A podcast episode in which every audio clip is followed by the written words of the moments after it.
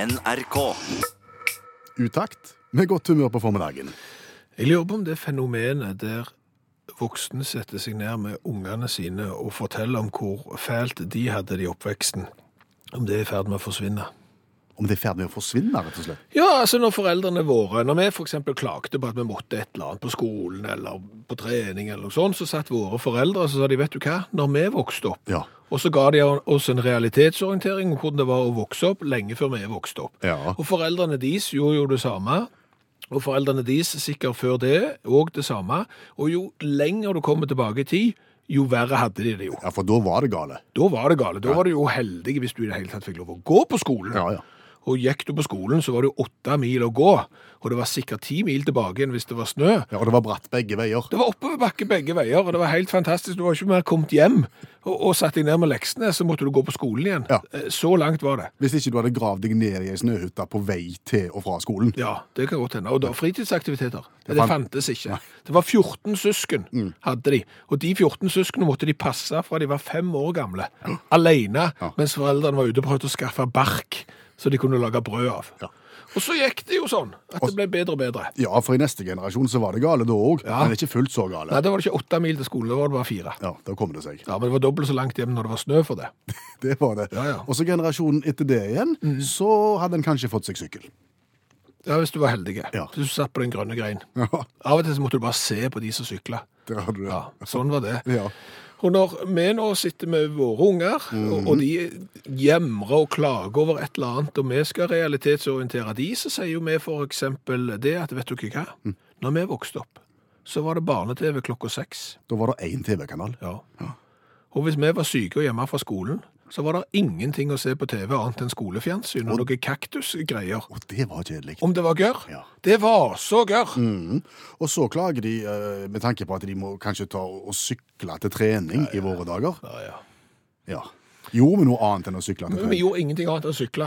Vi hadde knapt satt fra sykkelen før vi måtte ut og sykle igjen på neste trening. Vi sykla, sykla og, og, og Ble aldri kjørt noen plass. Nei, nei, nei. Og jeg må fortelle ungene at jeg spilte fotball på grusbane, og de er grusbane, jeg vet jo ikke hva grusbane er engang, og ikke kunst.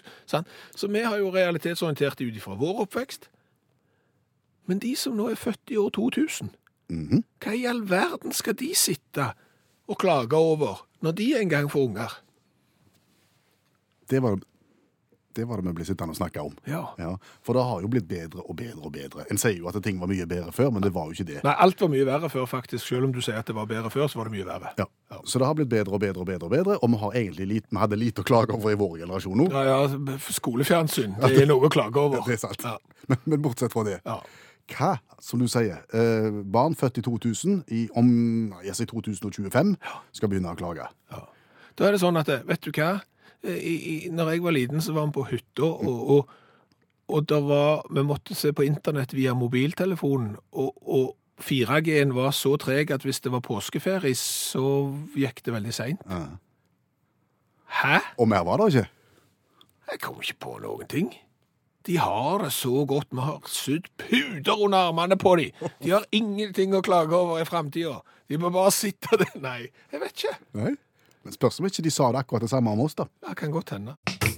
Om du har hørt om kattetelefon Om Kattetelefon. meg. Da høres det ut som det er en sånn en telefon du kan ringe hvis du har problemer med kattetelefonen. Nei, med katten din, liksom. Hallo, det er 1464-kattetelefonen. Hva sliter du med? Eh, Jeg har en katt som oppfører seg litt rart. Det er ikke en sånn en. Nei. Nei, det er, det er en kattetelefon. Men Hva er en kattetelefon? Ja, hva er en kattetelefon? Eh, Du skal tilbake til 1929. Langt tilbake. Det, det er langt tilbake i tid, til Princeton-universitetet i eh, USA. Litt usikker på hvordan akkurat den der originaltelefonen som her har funnet sted her, hvordan den kan ha hørtes ut, men, men omtrent sånn som dette. Charles? Ja, det er Charles her. Ja, det er Ernst. Eh, Du, kunne du tenkt deg å vært med og bygd om en katt til telefon? Ja, det hørtes ut som en god idé. Ja, men da snakkes vi i morgen på jobb. Snakker vi nå om to forskere på et universitet? Ernst Weaver, Charles Bray, Princeton-universitetet i 1929. Da får de en eller annen genial idé, synes de selv. Og du kan jo lure på hvordan sånne ideer oppstår, men de fant da ut at de skulle bygge om en katt til en telefon. Hvordan gikk det? Det gikk overraskende godt. Eh, Det som er viktig å få med her, er at det er ikke en død katt som du bygger om til en telefon. At du f.eks. kler en telefon med, med katteskinn eller noe sånt. Nei. de bygger fysisk en levende katt om til telefon. Hvordan, hvordan gjør en det?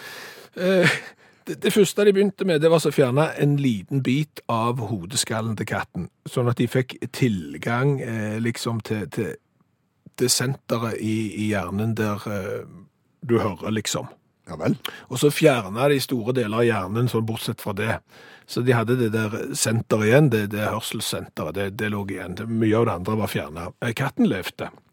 Så monterer de da elektrode inn på hørselssenteret, og så tar de den andre elektroden, det er sikkert noen pluss- og minusgreier, og så fe- fester de den på selve katten. OK. Så kobler du til en forsterker og høyttaler og litt mottakerapparat. Og så er det sånn at da tar eh, Ernie eller Charles, vet ikke hvem som hadde jobben, med å ringe opp. Men da snakker han inn i øret til katten, og så sitter den andre og hører på i andre enden i høyttaleren. Og det virker. Det virker. Ja. De klarer å snakke inn i øret til katten og få signalet over til høyttaleren som er lenger vekke. Ja vel. Sikkert avbrutt av noe mjauing, eh, hva vet vi, men, men det funker. Men hvor- hvorfor? Nei, hvorfor funker det? det Nei, har- nei, men hvorfor gjør en det? Nei, det, det er jo ingen som vet. Og så ble de jo litt grepen da, av sin egen suksess, Ja vel. så de tenkte jo at dette her må vi ta et skritt videre. Eh, så dermed så skulle de jo prøve om, om de kunne eh, gjøre dette når katten var død. Så dermed så tok de livet av denne stakkars katten, og så prøvde de å gjenta eksperimentet, og, og da, da var det opptatt. Nei, men altså, da, da, var, da var linja død, for å si det sånn. Da, da kom det ikke noe signal eh, igjennom. Så skal du bruke en, en katt til mobiltelefon, så må han leve. Ja, det er ting som som tyder på det. Så kan det jo virke helt bort i natt og idiotisk Ja, og det helt gjør på det. trynet. Og, og, det, har- og det har det jo vært eh, sett på i mange år, og ingen vet helt hvorfor ideen oppsto og ble gjennomført. Men så er det kommet noe ut av det likevel. Noe som heter koklea-implantat. Det har du gjerne sett. Du har gjerne sett noen som har akkurat sånn som en montert noe på hodeskallen rett over øret. Har du truffet sånne folk? Ja, folk som sliter med hørsel, som er bortimot døve. Ja.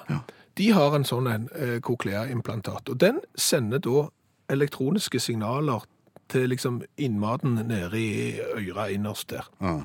Og dermed så kan folk som ikke hører, få signaler som hjelper de til å oppfatte ting, og gir de et visst lydbilde. Så du skal ikke se vekk ifra at eh, kattetelefonen i USA i 1929 eh, hadde en misjon, selv om det virker helt eh, rasgale. Jeg får en litt sånn teit idé helt på tampen her. Hva? Altså hvis, jeg tenker i våre dager hvor vanskelig det er å finne telefonen. Du legger den jo fra deg overalt.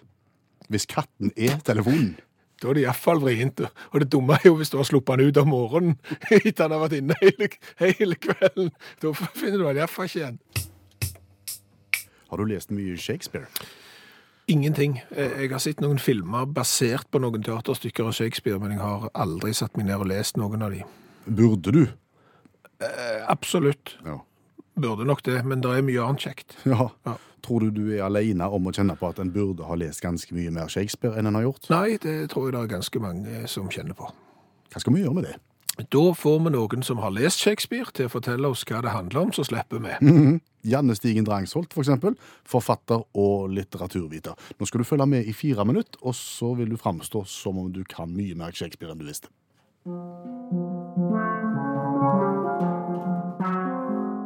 Stormen av William Shakespeare fra 1611. Gretten gammel trollmann som er stranda på ei øy med dattera si, lager en stor storm for å straffe fiendene sine og få dattera godt gift. På øya finner vi òg en ånd, ei heks og en vill og vanskapt trell. Hvordan lager den en storm? Altså, hvis du, hvis du kan litt magi, så er det ikke så vanskelig å lage en storm. Nei, det er fort gjort. Ja. Men, men jeg skjønner ikke hvordan en eh, storm skal skaffe en ektemann til datteren. Jo, for at han får jo folk til å komme på øya, da. Eh, på grunn av denne stormen. Han lager liksom sånne bølger som går rett vei, da. Å ja. Sånn at de blir nødt til å søke tilflukt på denne her øya. Og så da tilfeldigvis, det som er flaks, da, er det at både fiendene hans og en sånn potensiell ektemann eh, fins på denne her båten, da. Så eh, det som er eh, gøy med, med dette stykket, er mange ting. For eksempel så er det det siste stykket som Shakespeare skrev. Eh, og det ble ikke så veldig populært der og da, men det har, bl- er nå en av, et av hans mest kjente stykker. Og i en konspirasjonsaktig tid, er du sikker på at Shakespeare skrev han? Er du sikker på at Finland fins? Og er du sikker på at USA har vært på månen? Det er jo nettopp det. Det er jo det Shakespeare tar opp sjøl. Du kan jo ikke vite disse tingene. Ja, for det er jo en sånn en myte, det, at eh, Shakespeare ikke har skrevet sine egne stykker. At det, Mm. Stemmer det det. er andre, og dette var det siste han kanskje ikke skrev. Ja, Men det er vi som driver med litteratur som yrke, vi ler av det. Nei, vi er sånn Ja ja, de får tro hva de vil. Hvor mener du at vi imponerer mest dersom vi sier at vi eh, behersker stormen av Shakespeare? Altså Shakespeare. Vi snakker jo Shakespeare. Det er jo alle ble jo imponert av det. Jo, men det er lettere å si f.eks. at du har lest eh, Romeo og Julie eller Hamlet eller noe annet, for det er jo mer kjent. Du vil jo imponere mer hvis du kommer med stormen, kanskje. Ja, det vil jeg tro. Eh, fordi at, eh, og, og det som er kult med, med Stormen òg, det er jo at den, eh, den har jo blitt brukt mye så, sånn i moderne litteraturteori og sånn. Så jeg vil nok, hvis du er liksom i et, eh, selskap hvor du føler liksom at alle er smartere enn deg, da hadde jeg trukket fram Stormen. Ja. Eh, Meteorologikretser. der òg. Der òg. For det er liksom sånn Ja, hva syns dere om den stormen? Det er han, han Prospero heter han trollmannen. Det er jo kanskje litt greit å vite. Sitte og late som om du har lest ei bok, men du aner ikke hva noen av karakterene Han heter. Hva heter dattera, da? Miranda. OK. Ja. Prospero og Miranda. Ja. Det må vi iallfall Og, huske. og det som òg er verdt å vite, det er at eh, eh, Shakespeare skrev jo dette i ei tid hvor det var James som var konge, og han var jo veldig opptatt av magi og hekser og sånne ting. Så det at eh, Shakespeare skiller liksom med to, mellom to typer magi her. Han har Prospero sin magi, som er liksom rasjonell og god, og så har du heksa sin magi. Hun heter Psykorax. Og Psykorax Høres sin ut som en magi Asterix-figur. Nei, sy- det høres ut- det høres ut som noe du har på blå resept på apoteket fordi du har sånn et, l- en lei eksem. Må Få på litt psykoraks. Ja. Brukes bare morgen og kveld, da. Det er viktig. for- Smøres tynt på. Ikke mer enn ti dager i strekk. OK. Psykorax, da. Hun er ikke god. Hun har mer sånn kjip, ond magi. Ja. Det var liksom Shakespeare eh, prøvde å fortelle James at eh, den magien du tror på, den er god, men det finnes òg dårlig magi. Hvis du skal hente ut et sitat fra stormen av Shakespeare Det går sånn. Vi er av samme stoff som drømmer veves av. Vårt lille liv er omgitt av søvn. Da skal du få en litt vanskelig oppgave av meg. Nå skal du få lov å eh, oppsummere stormen av William Shakespeare for Ja, oss. det er jo ikke vanskelig. Det er jo det. Sitter du med ei datter som du har lyst til å gifte vekk, da er den beste måten å gjøre det på å skape en storm. Du kan lage en brodulje, du kan lage en konflikt, og vips, så kommer det rekende inn på ei fjøl der, på en flåte. Et potensielt eh, mannabein som dattera di kan gifte seg med. Men på slutten så sier Prospero, da henvender han seg faktisk direkte til publikum, og så sier han at det- publikum må eh, frigjøre han fra øya ved hjelp av klapping. Toveiskommunikasjon Ja. Mm. med publikum på 1600-tallet. Ja, jeg mener Han, Shakespeare. han hadde noe for seg, han William. Han hadde det, altså. visste han holdt på med. Vet vi hva William Shakespeare syns om at Carola lagde en sang om dette? Altså What's Not To Like. Mm. Så, så jeg tenker at han hadde gitt en tommel opp. Fanget av en stormvind. Med Prospero på kor og, og Miranda og så den der andre kremen. Psykoraks på. Bankende på døra, prøver å komme seg inn. Tusen takk, Janne Stigen Drangsholt, forfatter og litteraturviter.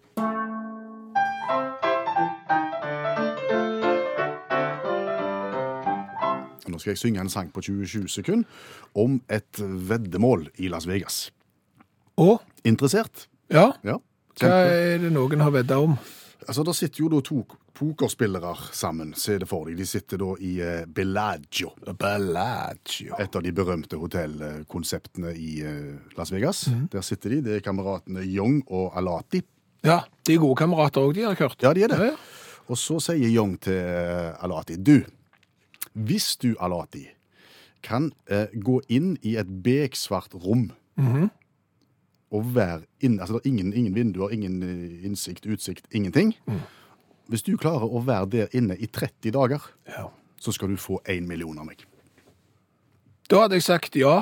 Ja, det sa, det sa Alati òg. Ja, For Alati ser du, han har drevet en del med yoga og meditasjon. OK. Så han tenkte at det vil kunne hjelpe han. Han har vært mentalt for seg sjøl en del ganger før, han. Det har han. Ja. Så, så han sa ja, og, og det var jo en del regler som fulgte med her. da. Eh, altså ingen innsikt, ingen utsikt. Mhm. Mat skal bli ført inn ei lita luke Ja. med ujevne mellomrom. Sånn at han skal være ute av stand til å bedømme om det er da- dag eller natt. Å ja, så det er ikke sånn at middagen kommer klokka fire hver dag. Den, den kommer litt sånn bardust. Veldig. Eh, ingen TV, ingen radio, ingen internett, ingenting. Ja.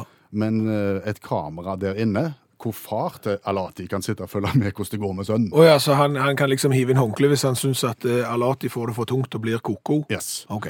Det eneste han får med seg inn, det er ei sånn yogamatte og en massasjeball. Ja, hvis jeg skulle vært 30 dager alene, så var det jo absolutt yogamatte og massasjeball jeg hadde tatt med Det var meg. det, det, var det han alltid tenkte. også. 101 million kroner. Ja, Så gikk det i gang. sykt i gang. Ja, Og det gikk kjempefint. OK. Ja, eh, Litt irriterende, overraskende fint, ifølge Young. Å ja, fordi at Jung har jo trodd at dette her skal gå skikkelig skeis. Det kommer, aldri, ja, det kommer aldri til å gå i det hele tatt. Så etter ti dager, og ting ser helt greit ut, så tar da Young kontakt med Alati og sier du, du skulle ikke bare kommet ut, da. Og så dropper vi hele greia, og så halverer vi summen, så får du en halv million i stedet hvis du kommer ut nå. Å ja, for han tenkte det bedre med, med utgift til inntektservervelse. Stemmer. Altså, ja. Nei, sa Alati, her går det helt fint. Jeg har yogaballen, yoga- massasjematten og yogaball. Det går helt fint. Jeg vil ikke ut i det hele tatt. Nei. Nei vel. Eh, Så begynner det å røyne litt grann på. Ja. Det merker jo da faren på monitoren og, og Alati sjøl at dette her er ikke all verden. Så når du nærmer deg den 20. dagen, Mm. så blir det litt forhandling. Eh, kanskje dette her ikke er lurt, og så blir de enige om OK, kom ut. OK. Eh, da får han 620 000 kroner Og, cirka. og to tredjedeler. Ja. For han så dine to tredjedeler av tida. Mm. Så det ender på en måte litt sånn uavgjort, da. Men, men OK, han Det er jo brukbar timebetaling likevel. Eh, 600 000 kroner for 20 dager i mørket nå med, med yogamatte og, og Og massasjeball. massasjeball. Ja. ja, det er jo ikke verst, det. Og det har du lagt sang om? Det har jeg lagd en liten sang om på 20-20 sekunder. Er du mann, går du inn, du vil føle du er blind. Ikke lys, du er fullstendig isolert. Tar du 30 dager her, får du pengebunke sverd. Det går aldri, vinnersjansen er spolert. Men denne pokerspilleren, han kom til kort. For kameraten ga seg ikke ganske fort. På 20. dagen kom han ut etter forhandlinger og prut. Vi kan si det hele endte uavgjort. Vi hører jo stadig i det offentlige at vi må våge å snakke om det som er vanskelig. Ja, vi må det. Og jeg tenker at vi som er et underholdningsprogram, vi må også kunne våge å snakke om det som er vanskelig. Ja, og det har vi jo prøvd å gjøre. Vi har snakket om mange ting som er vanskelig. F.eks. annengradsligninger. Det er vanskelig. Det er ikke lett i det hele tatt. Nei, det har vi snakket om, så vi våger å snakke om det som er vanskelig. Og, og du har òg lyst i dag å, å snakke om noe som er vanskelig. Mm. Jeg har lyst til å snakke litt om inkonsekvent bruk av bestemt form på elvenavn. Ja. Den tror jeg gikk hus forbi for ganske mange. Altså inkonsekvent bruk av bestemt form på elvenavn. Ja, jeg har gjort noen interessante oppdagelser rundt nettopp det. Ok, Er du sikker på at det er så interessant at det er god radio? Ja, OK. for bestemt form. Skal gi deg et eksempel her, Ja. på elvenavn. Ja. Nidelva, eller eventuelt Nidelven. Ja, Bestemt form. ja du sier ikke Nidelv? Nei, Nei. Akerselva. Ja, Eller Akerselven. Akerselva, du gamle og grå Du sier ikke bare Akerselv, Nei. det er Akerselva. Ja, bestemt form. i Norge. Så går du til utlandet, Mhm. Ok. til London for eksempel. Ja. Themsen, Themsen, ja. mhm, Tyskland, Rhinen, Stemmer. eh, Frankrike, Seinen. OK. Du holder deg fortsatt innenfor bestemt form. Men så var det det jeg sa innledningsvis. Inkonsekvent bruk av bestemt form for, for, på elvenavn. Som for eksempel Amazonas. Har du noen gang hørt noen si Amazonasen? Nei, vi seilte nedover Avas- Amazonasen, Nei, sånn i den gamle grønne prammen på Amazonasen til Moss. Nei, Gjør ikke det har du ikke. Mississippi igjen? Nei. Nei, du seilte på Mississippi. Ja, det gjorde du. Mm. Donau? Du har aldri seilt på Donauen? Am der sjønen blauen Donauen? Nei. Volga? Volgaen? Nei. Og ikke de der kryssordelvene heller. Nei, ø, Ob? Po og op. Nei. Poen og open. Gjør Nei. ikke- nei. Po og op. Nei. Men eh, Themsen, Rhinen og Seinen, Nidelva, Akerselva, men Amazonas. Mm. Dette er gode eksempler på inkonsekvent bruk av bestemt form på elvenavn. Ja. Du har satt fingeren på noe her, Ja. men jeg er litt usikker på om det var verdt det. For hva i all verden skal du bruke det til? Det er jo, det er jo ikke et partytriks Nei. å komme og så si du vet du hva, nå skal vi snakke om inkonsekvent bruk av bestemt form på elver. Da tror jeg selskapet reiser seg og går. ja, men vi skal våge å snakke om det som er vanskelig òg. Du, eh, Redaksjonen som lag eh, Utaktprogrammet som du sitter og hører på akkurat nå, Mm. den er ikke spesielt stor. Nei, det er egentlig en tomannsredaksjon. Mm. Det er du, og så er det meg. Japp. Og så har vi noen frilansere, noen stringere, som hjelper oss eh, med forskjellige ting. Ja. Du har jo Janne Stigen Drangsholt, forfatteren og litteraturviteren, som vi møtte tidligere i dag. Så har du allmennlærer med to vekttall i musikk, Olav Hove, som kan de tingene som vi ikke kan. Og så har du da det eldste medlemmet av redaksjonen, som er bestemor di. Ja, for hun kan jo lære oss ting om eh, gamle dager. Eh, for eksempel hvordan det var på skolen i dag, gamle dager, eh, hvordan det var når bilene kom, eh, hvordan 17. mai ble feiret i gamle dager, hvordan det var når, du kan si de som var litt mer sjeldne, litt mer artig og kjekt skrudd sammen. Originaler. Hvor, originaler, hvordan de preget bybildet, for eksempel. Ja, ja. Men så har hun også lekt, lært oss praktiske ting som at vi bør unngå å gå på bingo i Danmark. Ja, for det er ikke bare bare når du da begynner å rope høyt eh, tall som 2,5 fjers, for eksempel, 4,5 tress. Og du skal finne igjen det på brettet ditt. Da går det skeis. Ja. Men hun er altså det eldste medlemmet i redaksjonen. Og hun feirte bursdag i helga. Stemmer. Feirte 104-årsdag. 104 år. Det hadde vi i helga, ja. Det er ikke så mange redaksjoner som har redaksjonsmedlemmer på 104 år. Nei, det tror jeg ikke. Nei. Det tror jeg jo vi trygt eh, kan si. Men det var kjekt. Du var til stede under feiringen. Ja, ja, og da blir det jo sånn som det blir. Det, det blir bespisning, Ja. det blir eh, kaffe og kaker, og, og så blir det sang. Ja, litt underholdning. Litt underholdning, ja. Er det, er det gjestene som synger da, eller er det jubilanten sjøl? Nei, Det begynner jo med at gjestene synger.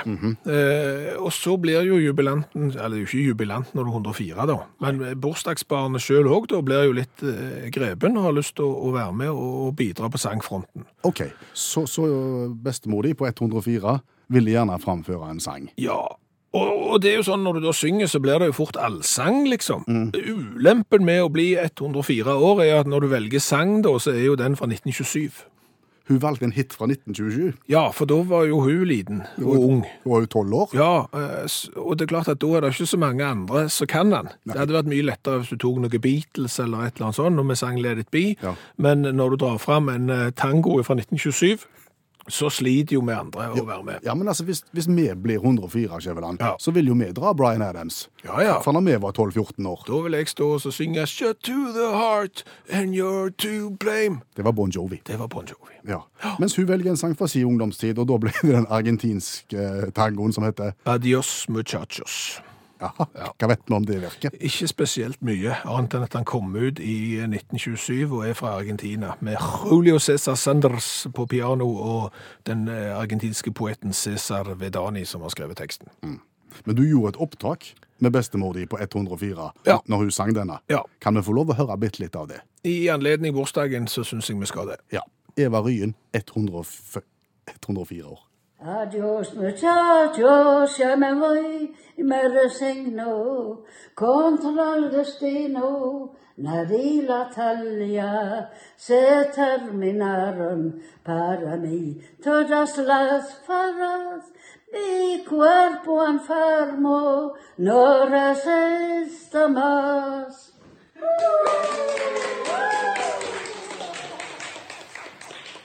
Hvis jeg blir 104 år, Ja. det gjør jeg antageligvis ikke, Nei, men men klarer å synge sånn, Ja. eventuelt, det er en prestasjon. Ja, da synger du sikkert Adios muchachos, eh, du òg. Og vi har lagt ut en video på Facebook-gruppa til Utakt, eh, så du kan se det der. Og der har vi òg lagt ut teksten, så det blir litt som en sånn karaokevideo. At hvis du har lyst til å være med og synge Adios muchachos, så finner du teksten der. Ja. Hva har vi lært i dag?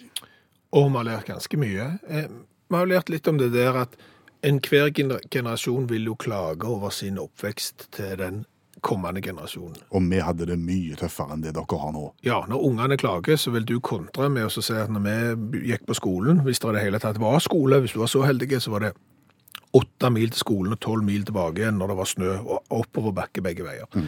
Hva vil generasjonen vokst, som, som er født i år 2000, K- hva vil de klage over til sine unger? Nina mener at de vil si når jeg var liten, så måtte vi reise oss for å slå av og på lyset. Og så måtte vi gå i butikken for å handle, og vi måtte lage maten sjøl. Og i tillegg så måtte vi trykke på en knapp på toalettet for at det skulle spyle ned. OK. Så du ser ting har skjedd. Helge har et veldig interessant innspill her, for han er trafikklærer. Hva sier han? Når jeg var ung, så måtte vi betale en masse penger for å ta noe som heter førerkort for å få lov til å kjøre bil. Og her ser vel trafikklærer Helge for seg at om ikke så altfor lenge, så kjører bilene av seg sjøl. Mm, Gjette. De kan klage på at foreldrene som satt med nesen i mobilen hele ettermiddagen, har aldri fulgt opp hva ungene prøvde å si. Den er god. Det er bra. Minge, Magne Minge. Apropos, vi har vært innom noe tidligere. En kattetelefon, skal komme tilbake til det. Når jeg var ung, så måtte jeg bære mobilen i hånda. Ikke sånn som du, så har han inni hodet, for eksempel. Øyvind, den oppvoksende generasjon er den første i historien som kan komme helt ut og kjøre ved å følge velmente råd fra foreldrene sine. Den må vi tenke litt på, Ja, men la oss gjøre det. Det er ganske dypt. Så har vi jo lært i dag om kattetelefonen fra Princeton-universitetet i 1929. Forskerne Ernst og Charles som klarte å få en levende katt til å bli en telefon Ja. ved ja, ting du ikke skal gjøre, eh, men de fikk noe lyd ut av den. Snakket inn i øret og fikk lyden ut en eh, annen plass. Eh, Da har vi fått litt kjeft for at vi har snakket om kattetelefonen fra 1929, for det er så mange rare folk der ute som eh, kunne være i stand til å kopiere noe sånn. Ikke gjør det. Nei, ikke gjør det, men det bare viser igjen det at det snart så er det nesten ingenting du kan snakke om, fordi at det er alltid noen som kan komme til å gjøre noe de ikke burde gjort. Så kan vi undervurdere folk nok? Nei, nei. Nei, det kan vi ikke. Så har vi lært at skal du vedde én million i innsats, da bør du være ganske sikker på å vinne eller eks ha ekstremt god råd. For han som vedda én million kroner på at kompisen ikke klarte å sitte inne i et helt mørkt, svart rom i, i 30 dager, han så kollegene lett det gikk etter 10 dager og begynte å få panikk. Etter 20 dager så inngikk han forlik. Eh, 600 000, nå går du ut. Hør flere podkaster på nrk.no podkast.